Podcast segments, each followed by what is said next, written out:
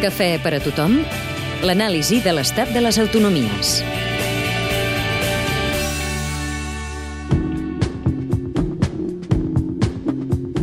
Navarra.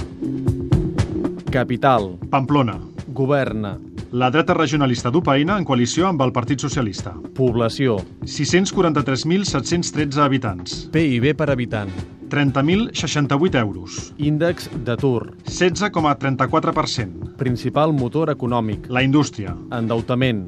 2.446 milions d'euros, el 12,9% del seu PIB. Dèficit. 1,89%. Pla d'ajustament. 186 milions d'euros.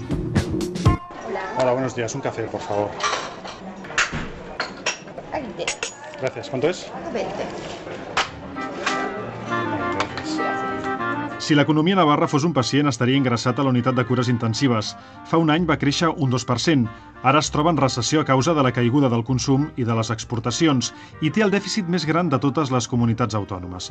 El seu pronòstic és greu, però presenta millors constants vitals que l'economia espanyola. Navarra és un dels territoris de l'Estat que més gasta en I+D, amb un teixit productiu molt diversificat i molt obert a l'exterior. És la comunitat que més exporta i ho fa per valor del 40% del seu PIB. A la comarca de Pamplona, l'activitat industrial gira al voltant de la planta de la Volkswagen, però hi ha altres sectors que cal tenir en compte. Es cierto que aquí tiene mucho peso la Volkswagen. José Luis Álvarez, director del Departamento de Economía de la Universidad de Navarra. En los últimos años hay otra serie de sectores que han ido también ganando terreno y peso ¿no? en la industria. Por ejemplo, las empresas agroalimentarias han innovado en producto, han pasado de simplemente envasar alcachofas a platos cocinados con alcachofas, han contribuido, ¿no? innovando, creciendo, generando empleo. Navarra, com a Euskadi, disposa d'hisenda pròpia, recapta els seus impostos i els ingressos han caigut.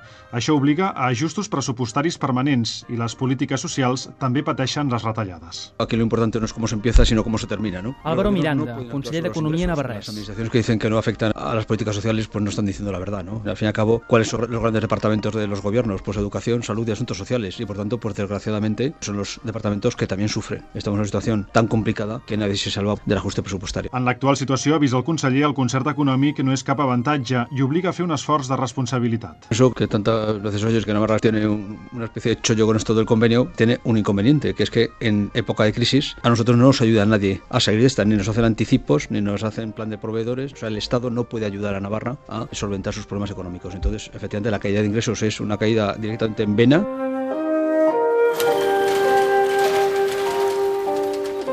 Moltes empreses han tancat. La crisi ha castigat especialment la vall de la Sacana, on nombrosos tallers metal·lúrgics han hagut de baixar definitivament la persiana.